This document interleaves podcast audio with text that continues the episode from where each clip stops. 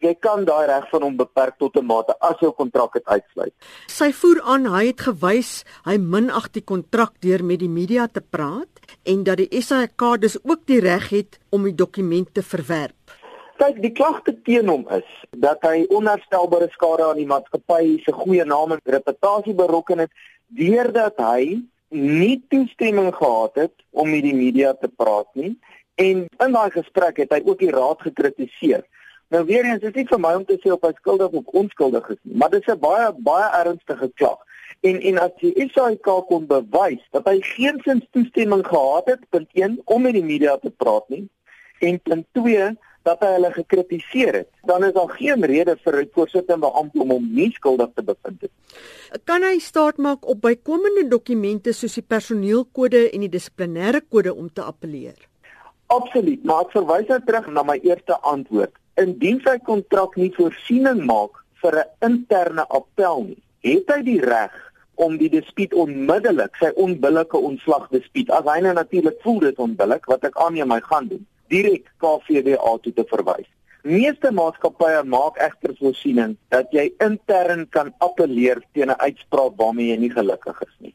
Wat gebeur normaalweg in 'n so dissiplinêre proses voordat iemand in so 'n senior posisie afgedank word?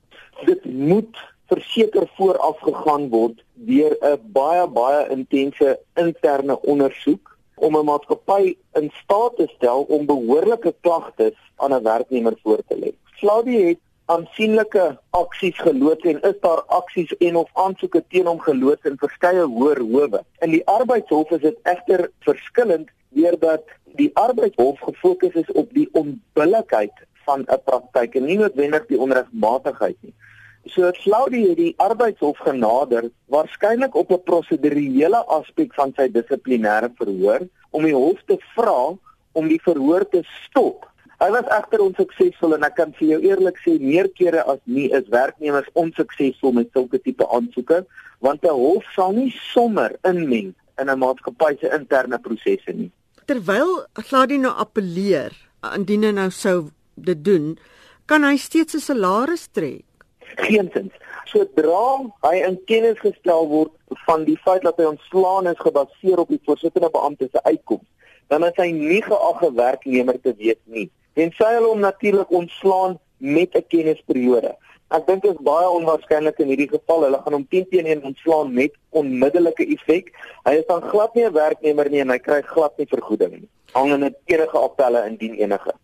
Sou hy appeleer, wat is die remedies wat beskikbaar is nog vir hom? Indien hy appeleer, kan hy natuurlik versoek dat die appelraad beslis dat die voorsittende beampte van die dissiplinêre verhoor 'n verkeerde beslissing gemaak het op die feite wat voor hom geplaas is tydens die dissiplinêre verhoor. Ek dink egter gegee die senioriteit van die advokaat wat hierdie verhoor hanteer het, gaan hy baie moeilike appelraad oortuig dat hierdie voorsittende beampte verkeerd was.